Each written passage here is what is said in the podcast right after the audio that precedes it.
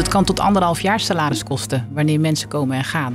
Een aangenomen medewerker is nog geen ingewerkte en volledig betrokken medewerker. Vier op de vijf mensen die beginnen, daarvan komen de verwachtingen niet overeen die ze hadden tijdens die werving- en selectiefase. Een van de grootste uitdagingen van dit moment zijn de enorme personeelstekorten. En dat voelen we in elke sector. Winkels gaan eerder dicht, restaurants gaan minder vaak open, er wordt minder goede zorg verleend en ouderen zijn vaker aangewezen op zichzelf en kinderen kunnen niet meer naar de opvang. Nog nooit waren er zoveel vacatures als nu. Maar hoe los je die tekorten op? Als het aan Kirsten de Roo ligt, begint het allemaal bij jezelf. Maar hoe pak je dat aan en hoe zorg je ervoor dat je nieuwe personeel niet direct weggaat? Je hoort het allemaal in deze nieuwe aflevering van Werken aan Groei. In deze podcast van Indeed gaan we op zoek naar toekomstbestendig recruitment. Jan-Willem Boks, senior strategist bij Indeed, gaat in gesprek met inspirerende mensen uit het vak over onderwerpen die Indeed belangrijk vindt als het gaat om het verbinden van de juiste kandidaat aan de juiste werkgever. En andersom. Hi, welkom Kirsten. Leuk dat je er bent. Ja, dankjewel. Ik vraag het meteen aan iedereen die te gast is. Hoe ziet werk eruit in 2030? Um, nog meer flexibiliteit in de zin van dat uh, de generaties die nu op de arbeidsmarkt komen, die willen graag met een, een, werkgever werken in plaats van voor. En vinden hun eigen ontwikkelingsmogelijkheden belangrijk. En willen continu geprikkeld blijven. Dus ja, 40-jarig dienstverband bestaat nu al niet meer. Maar dan al helemaal niet meer. Dus er zullen ja, weet je, meer gericht op kortere dienstverbanden. Um, minder op locatie, veel meer ook remote. Dus die flexibiliteit die wordt alleen maar sterker. Dus zal er ook veel meer vanuit vertrouwen moeten worden leiding gegeven aan die generaties. Om mensen succesvol te laten blijven in hun werk, maar ook te kunnen behouden. Daarin staat niet meer de werkgever centraal, maar ook meer juist de werknemer. Ja, dat zie je natuurlijk nu al gebeuren. En dat, dat zal zich alleen maar verder gaan, gaan ontwikkelen naar de toekomst toe. Ja. Jij hebt onlangs een boek uitgebracht. Personeelstekort begint bij jezelf. Wat kun je zelf doen om het tijd te keren? Heel veel. Waar het mee begint is in feite hoe kijk je naar personeel als werkgever? zie je het puur als een kostenpost die je eigenlijk alleen maar nodig hebt om het werk goed te kunnen doen? Of zie je het personeel als een waardevolle investering waar je in moet blijven investeren om succesvol te worden met je bedrijf, maar ook te blijven? Um, en op het moment dat je mensen ziet als een waardevolle investering, dan ga je ook veel meer vanuit die lange termijn kijken in plaats van korte termijn. Nu vacature, nu gaan we mensen werven, morgen stopt die klanten mee. Dus we stoppen die vacature. En dat je veel meer vanuit de lange termijn gaat kijken, zodat je continu zorgt voor de mensen op de juiste plek. En dat je gewoon aandacht geeft aan goed werkgeverschap. En dat je het ook echt als prioriteit nummer één ziet binnen je bedrijfsvoering, in plaats van iets wat alleen maar veel tijd en aandacht kost. Daar begint het mee. Zie je dat al, al veel gebeuren? Dat werkgevers kijken naar de lange termijn en niet naar de korte termijn? Nee. Daar is, en eigenlijk de reden dat heel veel bedrijven nu last hebben van personeelstekort, is eigenlijk omdat ze voornamelijk heel veel bezig zijn geweest alleen maar met die korte termijn. We hebben eindelijk die vacature ingevuld, dus voor inwerken hebben we geen tijd. Dus laat die medewerker maar gewoon gaan. We hebben nu inderdaad de vacature, dus we gaan werven. Morgen is het minder druk, dus we zetten het on hold. Zo is het eigenlijk al jaren gegaan. En door um, niet aandacht te besteden aan je werkgeverschap en aan je lange termijn is het nu zo dat, um, dat heel veel bedrijven last hebben van personeelstekort. En eigenlijk ja, nog steeds daarmee zo bezig zijn. Dus het is ook echt wel tijd dat er veel meer op die lange termijn wordt gekeken. Alleen het vraagt een hele andere manier van denken en doen. En daar zit het hem nog in, ja, dat dat moet gaan veranderen. Ja, ik hoorde wel eh, trouwens in, in, mijn eerste vraag toen ik vroeg naar 2030 dat je hoopvol daarom betrend bent. Want nu hoor ik dus eigenlijk dat werkgevers nog heel erg op zichzelf gericht zijn. Maar ze moeten dus gaan veranderen naar die werknemer. Nou ja, 2030 gaat meer over hoe ziet werken dan uit. En dan bekijk ik het heel erg ook vanuit die werknemer. Ehm, maar werkgevers zullen daar ook op moeten inspringen. In de zin van dat ze dat niet vasthouden aan alleen maar aan traditionele functieprofielen. Aan vasthouden aan mensen moeten van 9 tot 5 op kantoor zijn. En ja, weet je, dus hoopvol, ja, het is een must om uiteindelijk ook te kunnen veranderen daarin. En natuurlijk heb je met onzekerheden te maken. corona zag ook niemand aankomen, dus daar moesten bedrijven ook op acteren. Maar naar de toekomst toe zul je zien, de vergrijzing, dat blijft, die krapte, die blijft. Eh, de instroom op de arbeidsmarkt neemt af. Dus met die, in die wetenschap zullen bedrijven ook naar de lange termijn moeten kijken om ervoor te zorgen dat ze ja, wel de juiste mensen gaan vinden en ook behouden. Ja, de mindset moet dus anders. Ja. Hoe pak je dat aan? Nou, het, het, in feite begint het bij, bij zelfreflectie. Weet je, dat, dat je als werkgever ook naar jezelf kijkt. God, hoe is mijn rol als werkgever? Hoe is mijn rol als leidinggevende? hoe ga ik met mijn mensen om? Hoe ga ik ermee om als ik mensen nodig heb? Kom ik dan pas in de actiestand als ik een vacature heb? En ga ik op zoek naar schapende vijf poten? Of ben ik continu bezig? Hoe zorg ik ervoor dat ik aantrekkelijke werkgever ben en blijf? En dat ik top of mind ben bij mensen, zodat ze ook als ik een vacature heb, dat ze gauw aan mij denken en bij me willen komen werken. Dus het gaat er heel erg over. Het start met die zelfreflectie. Door naar jezelf te kijken hoe je het zelf doet. Mhm. Wat daarin goed gaat, wat daarin nog niet goed gaat. En dan ook durven te kijken van wat moet ik daarin anders doen. In plaats van vast te blijven houden aan je eigen traditionele denkpatronen. Moet je dan ook op zoek naar gaan naar wat de werknemer wil? Ook. Ja, je hebt met verschillende generaties eh, te maken op de werkvloer. Millennials, daaronder de generatie Z. Die willen niet meer voor een, een, een werkgever werken, maar veel meer samen met een werkgever. Dus eh, ontwikkelmogelijkheden, privé, werk-privé-balans. En daar zul je naar moeten kijken. En als jij vast blijft houden aan standaard werkprocessen van 9 tot 5 en altijd op bijvoorbeeld op locatie, weinig ontwikkelmogelijkheden, dan krijg je steeds meer die mismatch. Dus je zult ook moeten gaan kijken van met welke doelgroepen heb ik te maken. En wat betekent dat voor mijn rol als werkgever? En ook mijn werkprocessen. Hoe kan ik die daar beter op afstemmen? Zonder het zakelijke component natuurlijk uit het oog te verliezen. Want uiteindelijk moet je gewoon natuurlijk geld verdienen met je bedrijf. Maar dat kan absoluut hand in hand gaan. Ja. En, en als je zegt bedrijven moeten naar zichzelf kijken, kennen bedrijven zichzelf heel goed? Um, ik, dat kan beter. Dat kan zeker beter. Weet je, het, het vraagt ook wel een bepaalde kwetsbaarheid. Ik heb ook wel eens een bedrijf gesproken, die hadden enorm veel last van verloop. Maar nog steeds kijkend, ja, maar de generatie is ook lastig. En voor een dubbeltje meer zijn ze weg. In plaats van, hé, hey, maar wat is nou mijn rol als werkgever? Hoe ervaren mensen het eigenlijk bij ons uh, om hier te werken? En kan ik daar dingen in verbeteren als dat nodig is? Ja, en het is natuurlijk vaak niet leuk om naar die kant te gaan kijken. Dus het vraagt ook wel kritisch naar jezelf te durven kijken en die kwetsbaarheid. En ik denk dat daar nog heel veel te winnen valt en dat het daar ook mee begint. Je moet van binnen naar buiten kijken en niet andersom. Ja, want je kan ook niet altijd de, de werkgever zijn die het meeste betaalt. Dus dat dubbeltje meer zal er altijd zijn. Precies. Zijn het dan andere zaken waar je je op kan richten? Zeker. Kijk, uiteindelijk gaat het erom dat mensen zich onderdeel voelen van het team. Dat ze zich gewaardeerd voelen, eh, gehoord voelen. Dat ze het idee hebben dat het zinvol is waar ze aan bijdragen. Dat ze ook weten waaraan ze bijdragen. In plaats van alleen maar een functie doen. En eh, ook voor mijn boek heb ik uh, Dirk Slabbekoren geïnterviewd. hij heeft een supermarkt in Rotterdam. En neemt eigenlijk iedereen aan die bij hem wil komen werken als hij vacatures heeft. Open hiring. En hij doet dat door enerzijds gewoon uh, heel duidelijk aan te geven van nou, als je bij mij komt werken, kun je dit van mij verwachten en dit verwacht ik van jou. Maar hij kijkt ook heel erg naar de mensen achter de medewerker. Waardoor mensen echt het gevoel hebben, hé, hey, ik werk hier met plezier, ik kan hier mijn ei kwijt.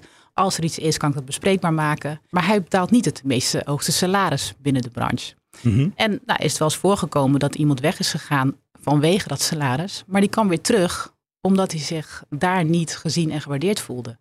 Dus dan zie je toch, geld is belangrijk, natuurlijk zeker in deze tijd van hoge inflatie. Maar uiteindelijk gaat het om het gevoel van, hé, hey, waar voel ik me thuis, waar voel ik me gewaardeerd? En is zij dus ook weer teruggekomen na een paar weken om die reden. Ja, en je had het over open hiring. Ja. Houdt dat in dat iedereen die zijn of haar cv opstuurt op gesprek komt?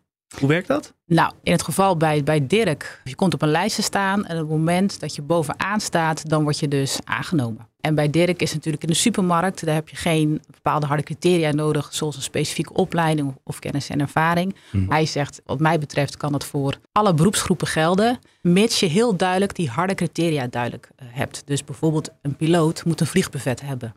Maar alle subjectieve criteria, waar je dus niet objectief op kunt selecteren, ja, dat nemen we dan niet mee. Want hij zegt, want het is niet fair, want anders ga ik het toetsen op mijn eigen gevoel, op basis van mijn eigen waarden en normen. En dat is niet heel erg fair. Dus ik selecteer puur en alleen op die harde criteria. Dus inderdaad, op het moment als mensen dan willen komen werken en ze voldoen aan bepaalde harde criteria, dan zijn ze gewoon welkom. Oh, wauw, interessant. Ja. Ja, en dan, dat is dan een goed werkgeverschap.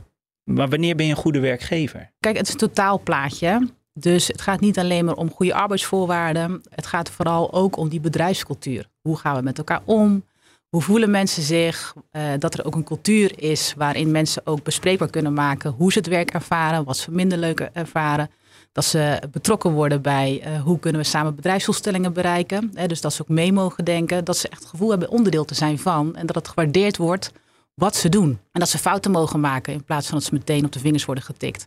En dat ze vanuit vertrouwen mogen handelen in plaats van dat ze heel erg gecontroleerd worden. Dus het totaalplaatje van goede arbeidsvoorwaarden, maar vooral die bedrijfscultuur waarin mensen zich fijn voelen, ja, dan kom je al een heel eind. Ja.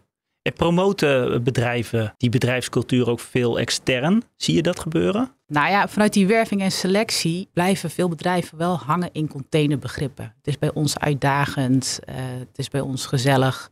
Maar wat is het dan precies? Wat typeert jou dan als bedrijf? En het is ook goed om te benoemen wat eventueel minder positieve kanten zijn. Weet je, het is zeker in deze tijd dat als bedrijven mensen willen werven, zijn ze heel erg geneigd om alles wat rooskleuriger te maken. En dan zijn mensen begonnen en denken ze, oh wacht even, dit had ik even niet bedacht. Bijvoorbeeld hè, een teamleider die, die aan wordt genomen en waarvan wordt gezegd, je mag gaan bouwen met je team. En hij start en de helft van zijn team is al ziek door eh, bijvoorbeeld onveilige bedrijfscultuur. Ja, weet je, dus het is wel van belang dat je uh, ja, duidelijk aangeeft van wat typeert ons als bedrijf en hoe gaan we met elkaar om en wat kun je daarin, uh, daarin verwachten. Heel simpel voorbeeld, als een bedrijf elke ochtend met elkaar gaat lunchen of gaat ontbijten of, uh, of sorry, ontbijten s ochtends en lunchen smiddags. Sommige mensen vinden dat super, anderen denken ook, ja, daar heb ik helemaal geen zin in. Nee. Weet je, als je dat van tevoren weet, dan kun je de keuze maken, ga ik daar wel werken of niet. Dus maak het explicieter. Ja, je had het net al even over de vacature teksten. Ja. Wat is daarin belangrijk? Ik hoor, ik hoor net ook dat je zegt, wees daarin eerlijk. Ja. Heb je ook wel eens het advies om dan inderdaad die negatieve kanten in die vacaturetekst te zetten? Ja, negatief. Kijk, wat de een negatief vindt, vindt de ander misschien niet uh, negatief. Dus waar. het gaat er maar net om dat je mensen aantrekt die bij jouw cultuur passen. En net zoals wat ik net, ja, dat, dat simpele voorbeeld van dat ontbijt of die lunch. Ja, sommige mensen vinden dat geweldig en de anderen zeggen, ja, daar zit ik niet op te wachten. Ik kom gewoon voor mijn werk. En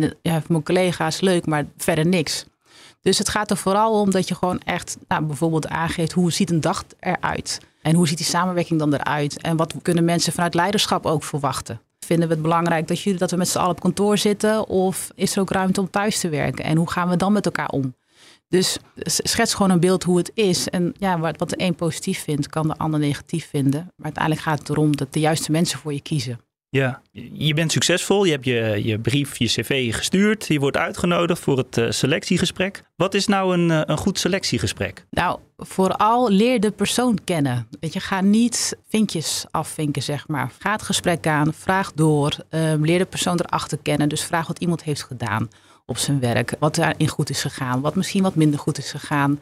Vraag ook wat, wat, waar iemand energie van krijgt, wat energie kost. Dus weet je, het gaat er veel meer over dat vanuit gelijkwaardig niveau een gesprek met elkaar wordt gevoerd. Van hé, hey, wie ben jij als persoon? Wie zijn wij als werkgever? En passen we bij elkaar? En ben jij degene die, ons, die voor ons van toegevoegde waarde gaat zijn in deze functie? Uh, en ga jij blij worden bij ons? Ja. Dus het is meer die, die gelijkwaardige relatie die in het gesprek centraal moet staan. In plaats van um, een soort verhoor, wat nog vaak gebeurt. Dus als ik dan terugkom op dat voorbeeld van de Jumbo. Dan heb je eigenlijk de vinkjes al gezet. Want je hebt naar het cv gekeken. En je Precies. denkt, die Hardy-criteria, daar voldoet diegene al aan. Maar dan ga kijken naar wie is die persoon nu eigenlijk? Precies. En is dat een match met ons? Ja, precies. Ja. Zijn er ook dingen die je in het selectiegesprek niet mag vergeten? Wat je absoluut niet moet vergeten? Ja, dat is ook afhankelijk van de functiecontext. Maar wat het eigenlijk om gaat, is dat je weet van... Hey, heeft die persoon de juiste bagage om bij ons van toegevoegde waarde te zijn? En dat je dus ook heel goed doorvraagt op concrete voorbeelden. Als iemand zegt van nou, ik ben heel sterk analytisch, noem maar wat. Ja, wat is dat dan precies? Weet je, en waar, waar is, dat, is dat uit gebleken? En waar, waarin heeft iemand dat laten zien? Binnen wat voor soort projecten bijvoorbeeld? En wat ook wel van belang is, is dat, um, dat je doorvraagt of iemand ook op zichzelf kan reflecteren. Dus bijvoorbeeld, je vraagt naar een bepaalde situatie. Wat heeft iemand daarin gedaan in zijn werk? Welke acties heeft hij daarin ondernomen? Welke resultaten heeft hij daarin behaald? En vooral ook, wat heeft hij daarvan geleerd? Zou hij eventueel de volgende keer het anders aanpakken? En waarom wel en waarom niet? Ja. Die mate van zelfreflectie ja, is ook wel belangrijk om daarnaar te kijken of iemand dat heeft. Ook om, om te kijken, wil iemand graag leren? Of ja, kan iemand heel moeilijk tegen kritiek en blijft hij stilstaan? Zeker als je verwacht dat mensen bij jou verder gaan leren. Ja, als ik dan even terugdenk ook weer aan die vacaturetekst. Daarin zeg je eigenlijk van geef aan wat, wat je op een dag doet binnen de functie. Ja. Eigenlijk vraag je dan in het selectiegesprek van de kandidaat wat hij heeft gedaan tot, Ja. tot, tot nu toe en wat hij verwacht van die dag. Ja, precies. Het gaat er ook over dat je goed die wederzijdse verwachtingen afstemt. Wat kun jij van mij als werkgever verwachten? En wat verwacht ik van jou als medewerker? En strookt dat met elkaar? Want heel vaak zijn die verwachtingen onduidelijk. En op het moment dat iemand dan gaat starten, dan denkt hij: hé, hey, de realiteit is heel anders dan wat ik had verwacht tijdens die werving- en selectiefase. Vier op de vijf mensen die beginnen, daarvan komen de verwachtingen niet overeen die ze hadden tijdens die werving- en selectiefase. Dus ja, wees daarin gewoon heel duidelijk uh, met elkaar. Dus van 80% komt de verwachting niet overeen ja. met, voordat zij begonnen met dag 1. Ja. Nou goed, dan heb je die, die, die persoon is toch binnen hè, en dan moet je ze ook behouden. 60% van de werknemers denkt er namelijk over om na een maand alweer weg te gaan. Wie ligt dat? Um, wie ligt dat? Nou, grotendeels de werkgever. In die zin, dat vaak gebeurt, is dat nou ja, alle werving- en selectiecampagnes zijn uit de kast getrokken. Hè, want we moeten heel gauw die vacature invullen. En als iemand gestart, en dan laten we diegene vaak zwemmen. En is er geen fatsoenlijk inwerktraject. Of hè, wat ik net aangaf, de verwachtingen die zijn voorgespiegeld tijdens die werving- en selectiefase komen totaal niet overeen. Wat ik eerder aangaf, die teamleider die dacht ik ga bouwen aan mijn team. Maar hij komt uh, in een team terecht waarin de helft bijvoorbeeld ziek is. Mm-hmm. Nou, maar dat hebben we maar even weggelaten. Want ja, dat is niet zo heel aantrekkelijk. Dat zal wel goed komen. Ja. Maar dan voelt iemand zich al een beetje bedonderd, zeg maar. En uh, ik zeg altijd, een aangenomen medewerker is nog geen ingewerkte en volledig betrokken medewerker. Dat is, daar is tijd voor nodig. Ja. Dus als het meteen al heel snel fout gaat, dan daalt die betrokkenheid al heel snel. Ja, en dan uh, kunnen mensen al heel snel de keuze maken van, nou, hier pas ik dus niet. Is daar een blauwprint voor? Ik zeg altijd 90 dagen is een beetje gemiddeld. En waar, waar het mee start is tijdens die werving- en selectiefase dat die verwachtingen dus helder zijn. En dat je dus ook al helder bent, wat kan iemand die eerste 90 dagen sowieso verwachten gedurende dat inwerktraject. En weet dan ook vanuit leiderschap wat iemand nodig heeft om goed te kunnen landen binnen zijn rol, binnen de samenwerking met collega's, in de bedrijfscultuur. Een assessment of een persoonlijkheidstest, of hoe je het ook wilt noemen, kan dan ook helpen om inzicht te krijgen. God, wie ben je als persoon? Stel je al snel vragen of ben je een beetje behoudend en vind je het soms lastig om vragen te stellen, omdat je misschien bang bent om dom over te komen, bijvoorbeeld. En dus er wordt heel gauw gedacht van ja, als het niet loopt, zal diegene wel vragen stellen. Maar dat, ja, dat geldt niet voor iedereen. Dus weet ook vooral vanuit leiderschap, wat heeft iemand nodig om goed te kunnen landen en zijn plek te vinden. En van daaruit dat je gewoon een inwerkplan uh, gaat maken, die eerste 90 dagen, zodat uh, met, met kennismaking met vakcollega's, dat iemand zijn rol leert kennen. Ja. Eventueel kennisprocedures leert kennen. Misschien bepaalde workshops moet volgen die hij nodig heeft voor zijn, voor zijn functie. In plaats van dat hij pas die workshop krijgt in de week 8. Maar dat hij het ook meteen de eerste week krijgt. Dus kijk heel erg goed wat heeft iemand nodig om zijn functie goed te doen. En wat vraagt dat dan van het inwerken en van de ontwikkeling van de persoon. En dus ook vanuit leiderschap, vanuit de leidinggevende. Ja, en adviseer jij dan ook aan organisaties om altijd wel een blauwprint te hebben, maar die dan inderdaad te personaliseren? Ja, weet je, je hebt die 90 dagen um, en dan kijk je ook van, ja, bijvoorbeeld een groep customer service medewerkers die tegelijk beginnen, die kun je meer een collectieve onboarding aanbieden. En ook wel met ruimte voor maatwerk, omdat je ook met de persoon te maken hebt. Maar heb je individuele personen die je aanneemt, dan ga je veel meer de persoon zeg maar kijken. Dus Waar het met name om gaat, is dat de eerste weken dat je kijkt van wat heeft iemand nodig vanuit de kennis te leren. Wat heeft iemand nodig om te gaan, te gaan samenwerken met zijn collega's. In de cultuur, zeg maar, ook zijn plek te kunnen vinden. En dat je dan wel elke week gewoon even evalueert met de leidinggevende. Of een buddy die je koppelt aan die nieuwe collega. Een soort vakcollega, een mentor. Ja. Die hem gewoon helpt en heel laagdrempelig is met, met, uh, als iemand vragen heeft. Maar vooral die eerste weken even, even evalueren. Hoeft niet uren, al is het maar even een half uurtje. Om even nou, in de gaten te houden. Hoe gaat het? Wat gaat goed? En waar moeten we bijsturen? Ook weer die persoonlijke aandacht Ja. voor die nieuwe medewerker. Ja. Die is niet voor niks aangenomen. Dat was de perfecte kandidaat, toch? Ja, ja, precies. Dus er is een reden dat je diegene aan hebt genomen. Maar dan is het, ja, wat ik zeg, het, een aangenomen medewerker is nog geen betrokken en ingewerkte medewerker. Dus weet je, die werving en selectie en onboarding gaan hand in hand. Wil je ervoor zorgen dat iemand ook succesvol wordt in je organisatie? Ja. Ik denk trouwens dat iedereen wel eens zo'n zo'n beroerde onboarding heeft meegemaakt. Jij ook? Nou, mijn allereerste bijbaantje, dat staat me echt volledig voor ogen, was in de horeca. Ik was 16, net uit het ei gekropen. Ja, dus gewoon eerste werkervaring. En nou, en dan in de horeca en de bediening gaat maar doen. Nou, ik denk dat ik heel veel glazen heb laten vallen. Ja. En, eh, maar ook ja, weet je, er werd ook geen aandacht aan besteed. Je moest het gewoon gaan doen. Nou ja, bij elk glas wat ik liet vallen, werd ik steeds onzekerder. ja. Dus eh, ja, dat was geen lang leven beschoren. Nee, heb je niet lang gedaan? Nee, ik heb het niet lang gedaan. Nee. Jammer. Heb je trouwens ook eh, voorbeelden van bedrijven die het wel heel goed doen?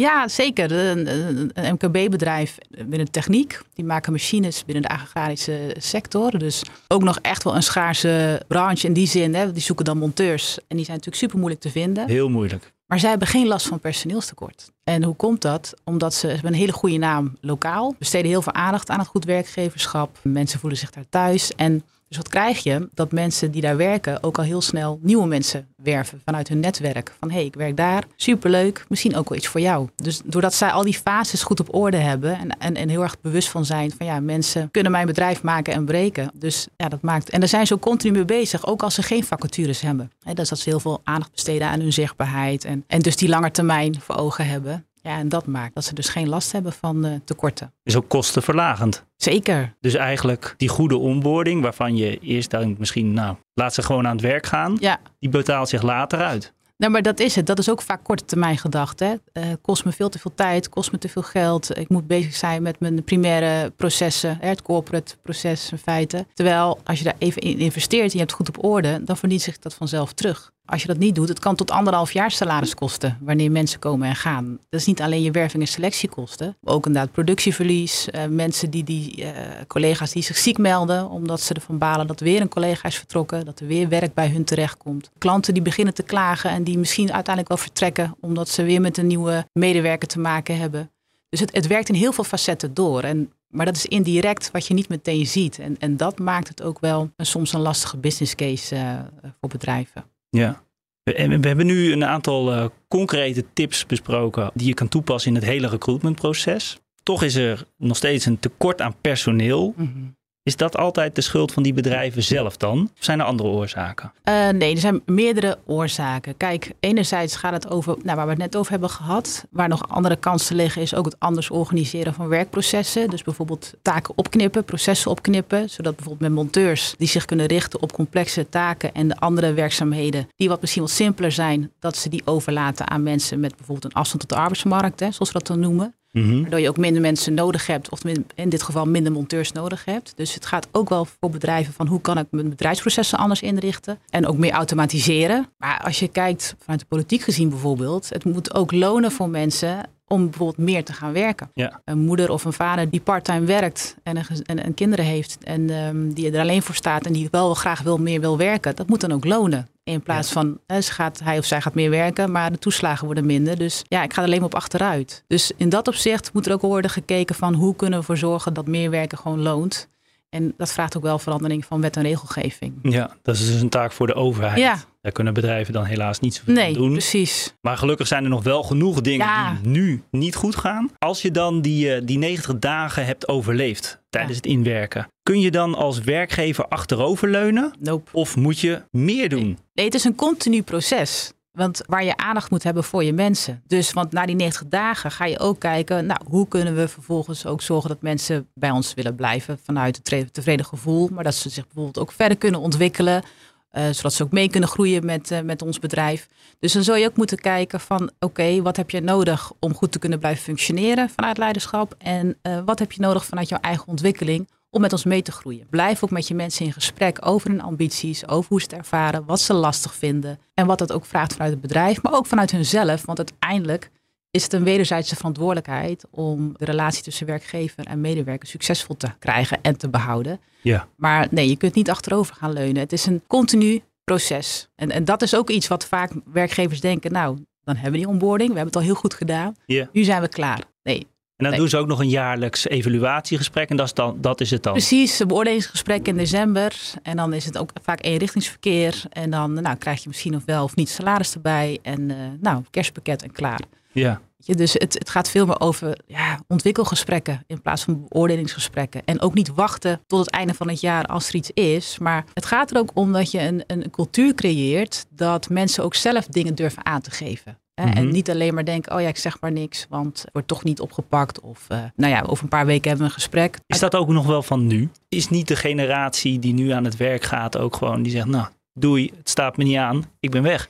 Ja, nou, maar juist omdat je ook met die generatie te maken hebt, is het van belang dat je eh, goed in zicht houdt van wat leeft er bij die generatie. En vinden ze het nog leuk? En als ze het niet meer leuk vinden, waar ligt het dan aan? En wat kunnen we daaraan doen? Weet je, en daarmee niet zeggen dat je continu je werkprocessen eh, alles aan moet passen op die generatie. Want als het niet kan, dan kan dat simpelweg niet. Maar blijf wel met elkaar in gesprek. En kijk waar liggen mogelijkheden, wat kan wel, wat kan niet. En daarnaast, weet je, Kijk ook naar de oudere generatie. Die zijn er ook nog. Vanaf 50, 55 plus. Ja, vaak wordt gezegd we mogen niet discrimineren. Maar het gebeurt allemaal.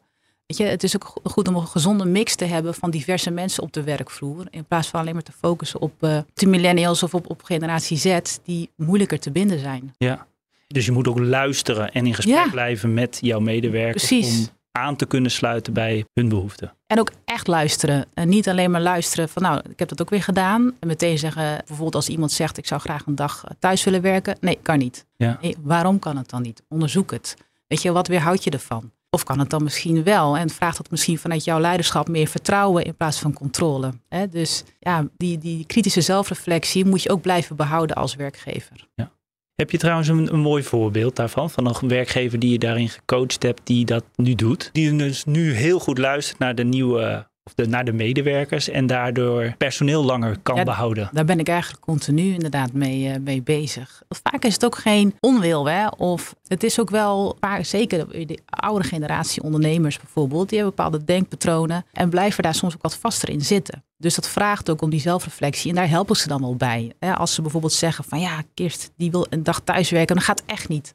Dan vraag ik waarom dan niet? Waardoor kan het dan niet? En wat zijn eventueel wel mogelijkheden? En als iemand dan zegt, ja, maar gewoon omdat ik vind dat het niet kan, en dat is natuurlijk niet voldoende. Nee. Kan het niet omdat de werkprocessen eronder lijden of de, de, de, eh, de klanten eronder lijden? Uh, als dat niet zo is, nou ja, hoe kunnen we het dan wel mogelijk maken? Alleen vinden dat iets niet kan, ja, daarmee kom je er niet meer. Je moet toch gaan onderzoeken objectief, nou, wat zijn wel de mogelijkheden waarbij de medewerker goed zijn werk kan doen en het ook nou, goed is voor, voor het bedrijf. Ja, om mensen te vinden en aan je te binden, heb je een concrete strategie met een duidelijk plan nodig, zeg jij in je boek. Hoe ziet dat plan eruit? Nou, waar het mee begint is dat je heel goed kijkt van wie zijn wij nou als bedrijf? Waarom bestaan we eigenlijk? Die purpose, vaak mensen vinden dat een rotwoord, uh, maar het gaat in feite over ja, waarom doen we wat we doen? Bijvoorbeeld hè, in plaats van uh, we zijn fietsenmaker. Nee, we maken fietsen omdat we mensen uh, gezond willen laten bewegen. En we willen een bijdrage leveren aan een beter milieu, bijvoorbeeld. Zodat je op die manier ook gaat kijken van wat vraagt het dan voor soort mensen die we nodig hebben om daaraan bij te kunnen dragen. Ook vanuit de doelstellingen die we hebben. Vaak zijn doelstellingen helemaal niet concreet. Maar op het moment als je heel helder weet, dit zijn onze doelstellingen voor 1, 3, 5, 5 is wat lang in deze tijd. Maar wel zeg maar daarop gericht dat je weet van wat willen we eigenlijk bereiken vanuit die doelen en wat vraagt dat vanuit de competenties, de kennis, uh, vaardigheden die we nodig hebben om die doelen te bereiken. Wie past daarbij? Wie past daarbij? En, en wie zijn we dan als wie, wie zijn we dan ook als bedrijf vanuit de cultuur? Hoe willen we met elkaar omgaan? Wat, wat vinden we daarin belangrijk? Uh, heerst bij ons een hele informele cultuur waarbij iedereen gewoon bij elkaar binnen kan lopen waarbij men elkaar aanspreekt? Of is er echt een mailcultuur, deuren dicht? Dus zeker in het begin is het heel belangrijk om daarover na te denken. Want die beginfase is de basis voor je cultuur. En dus ook voor de mensen die daarbij passen en zich thuis voelen. Nou, als je dan hebt over die doelstellingen, kijk dan vooral naar je totale arbeidscapaciteit. dus niet sec meteen naar functies, maar wat hebben we nou precies allemaal aan kennis, ervaring, vaardigheden nodig om uiteindelijk die doelen te kunnen bereiken? En hoe vertalen we dat naar de mensen die we nodig hebben? En ook kijkend naar ter aanvulling op de huidige mensen die je al hebt zitten. Mm Zijn er mensen die zich kunnen ontwikkelen? In plaats van dat je iemand gaat werven, terwijl je iemand intern hebt zitten die zich daar heel goed in zou kunnen ontwikkelen. Heel vaak wordt er al heel snel een vacature uit de kast getrokken, omdat men eigenlijk helemaal niet weet wat het potentieel is wat ze in huis hebben. Of de ambities die mensen hebben die al voor ze werken. Weet je, breng dat eerst goed in kaart. Ga van binnen naar buiten en niet andersom. Ja. En vervolgens ga je ook kijken naar je werkprocessen. Hoe kunnen we nou zorgen dat we de juiste mensen binnenkrijgen? En als er schaarste is, wat in deze tijd natuurlijk bijna overal zo is, ga dan kijken hoe kun je misschien bepaalde taken en processen opknippen, zodat je misschien daarvoor minder mensen nodig hebt. En andere mensen die meer een afstand hebben tot de arbeidsmarkt en die moeilijk aan het werk komen, dat je die dat bijvoorbeeld kan laten doen. Ja. Dat is ook belangrijk. Dus kijk meer naar potentieel wat er allemaal is om je werk te kunnen doen. In plaats van een heel erg gericht op een functie en, ja, ehm, en te veel eisen daaraan te stellen. Terwijl ook in, kijken naar je werkprocessen. Is, dat brengt al heel veel mogelijkheden. Ik hoor ook een kans voor werkgevers. Omdat als je je medewerkers heel goed kent. En je weet waar iemands ambities, potentie ligt. Dan kan je misschien wel intern iemand door laten groeien naar die moeilijk vervulbare functie. Waardoor misschien een functie die wat makkelijker in te vullen is. Zeker. Openkomt. Waar je, waar je dan moet voor moet werven. Dat klopt. We hebben net besproken van ben je na die onboarding klaar? Nee, dat is ook een onderdeel. Zorg dat je weet wat de ambities van je mensen zijn en wat het ontwikkelpotentieel is. En kijk niet alleen naar functies. Het kan er ook zijn dat iemand bepaalde competenties heeft ingezet binnen een bepaalde rol. Want het een hele andere functie is, maar dat wel die competenties uh, goed kunnen ingezet kunnen worden binnen een hele andere rol.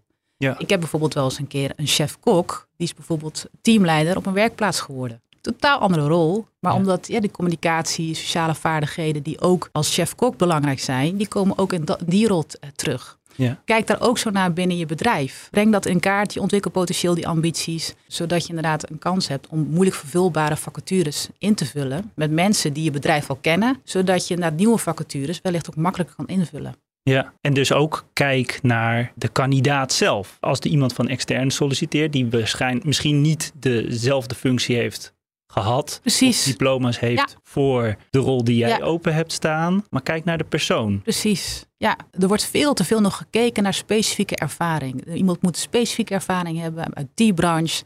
Zoveel jaar ervaring, die opleiding. En dat beperkt enorm. Ik had laatst ook iemand die was voor een customer service rol.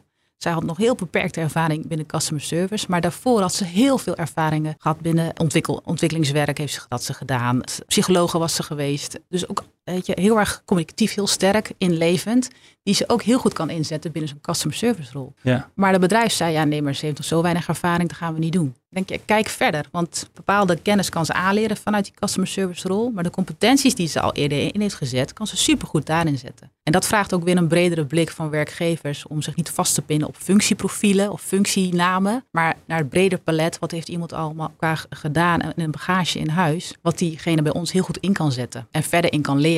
Nogmaals, een piloot moet zijn vliegbrevet hebben, anders ga ik niet instappen. Of een, een huisarts moet wel nou ja, geneeskunde hebben gedaan. Want anders dan ga, zoek ik ook even verder. Ja. Maar kijk verder wel van, ja, wat zijn dingen die mensen bij ons kunnen leren? Dat je heel erg je richt op het potentieel.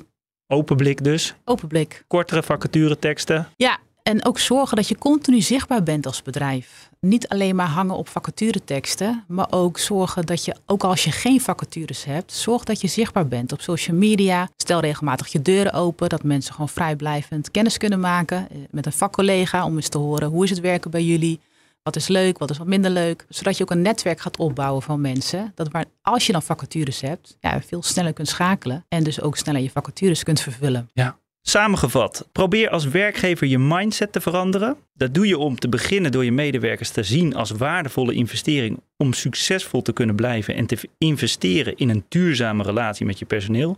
En daarnaast is een goede onboarding van werknemers belangrijker dan ooit. Stel, we doen dit, zijn we dan verlost van mismatches en hebben we dan geen personeelstekorten meer? Ehm, nou, het, het, het zal al een heleboel schelen. Wat ik zeg, hè, de werkgever heeft eh, grote invloed. Maar nog steeds, werk moet ook meer aantrekkelijk gemaakt worden. In de zin van dat meer werken moet lonen. Dus als dat er nog bij komt, dan denk ik dat we dan inderdaad wel echt een oplossing hebben voor het personeelstekort. Plus dat werkgevers ook meer gaan automatiseren wat kan. Dus worden andere vaardigheden dan van medewerkers gevraagd. Maar ga automatiseren wat je kunt automatiseren. Ga bedrijfsprocessen opknippen waar mogelijk. En dan denk ik inderdaad dat met nog een beetje hulp van de overheid, dat we dan een heel eind komen. Kirsten de Roo, stratege, coach en schrijver van het boek Personeelstekort begint bij jezelf. Dankjewel. Graag gedaan. Dit was Werken aan Groei, een podcastserie van Indeed over recruitment van de toekomst. Wil je nog een aflevering luisteren? Werken aan Groei is te vinden op bnr.nl, Spotify, Apple Podcast en indeed.nl/inspiration. Dankjewel voor het luisteren.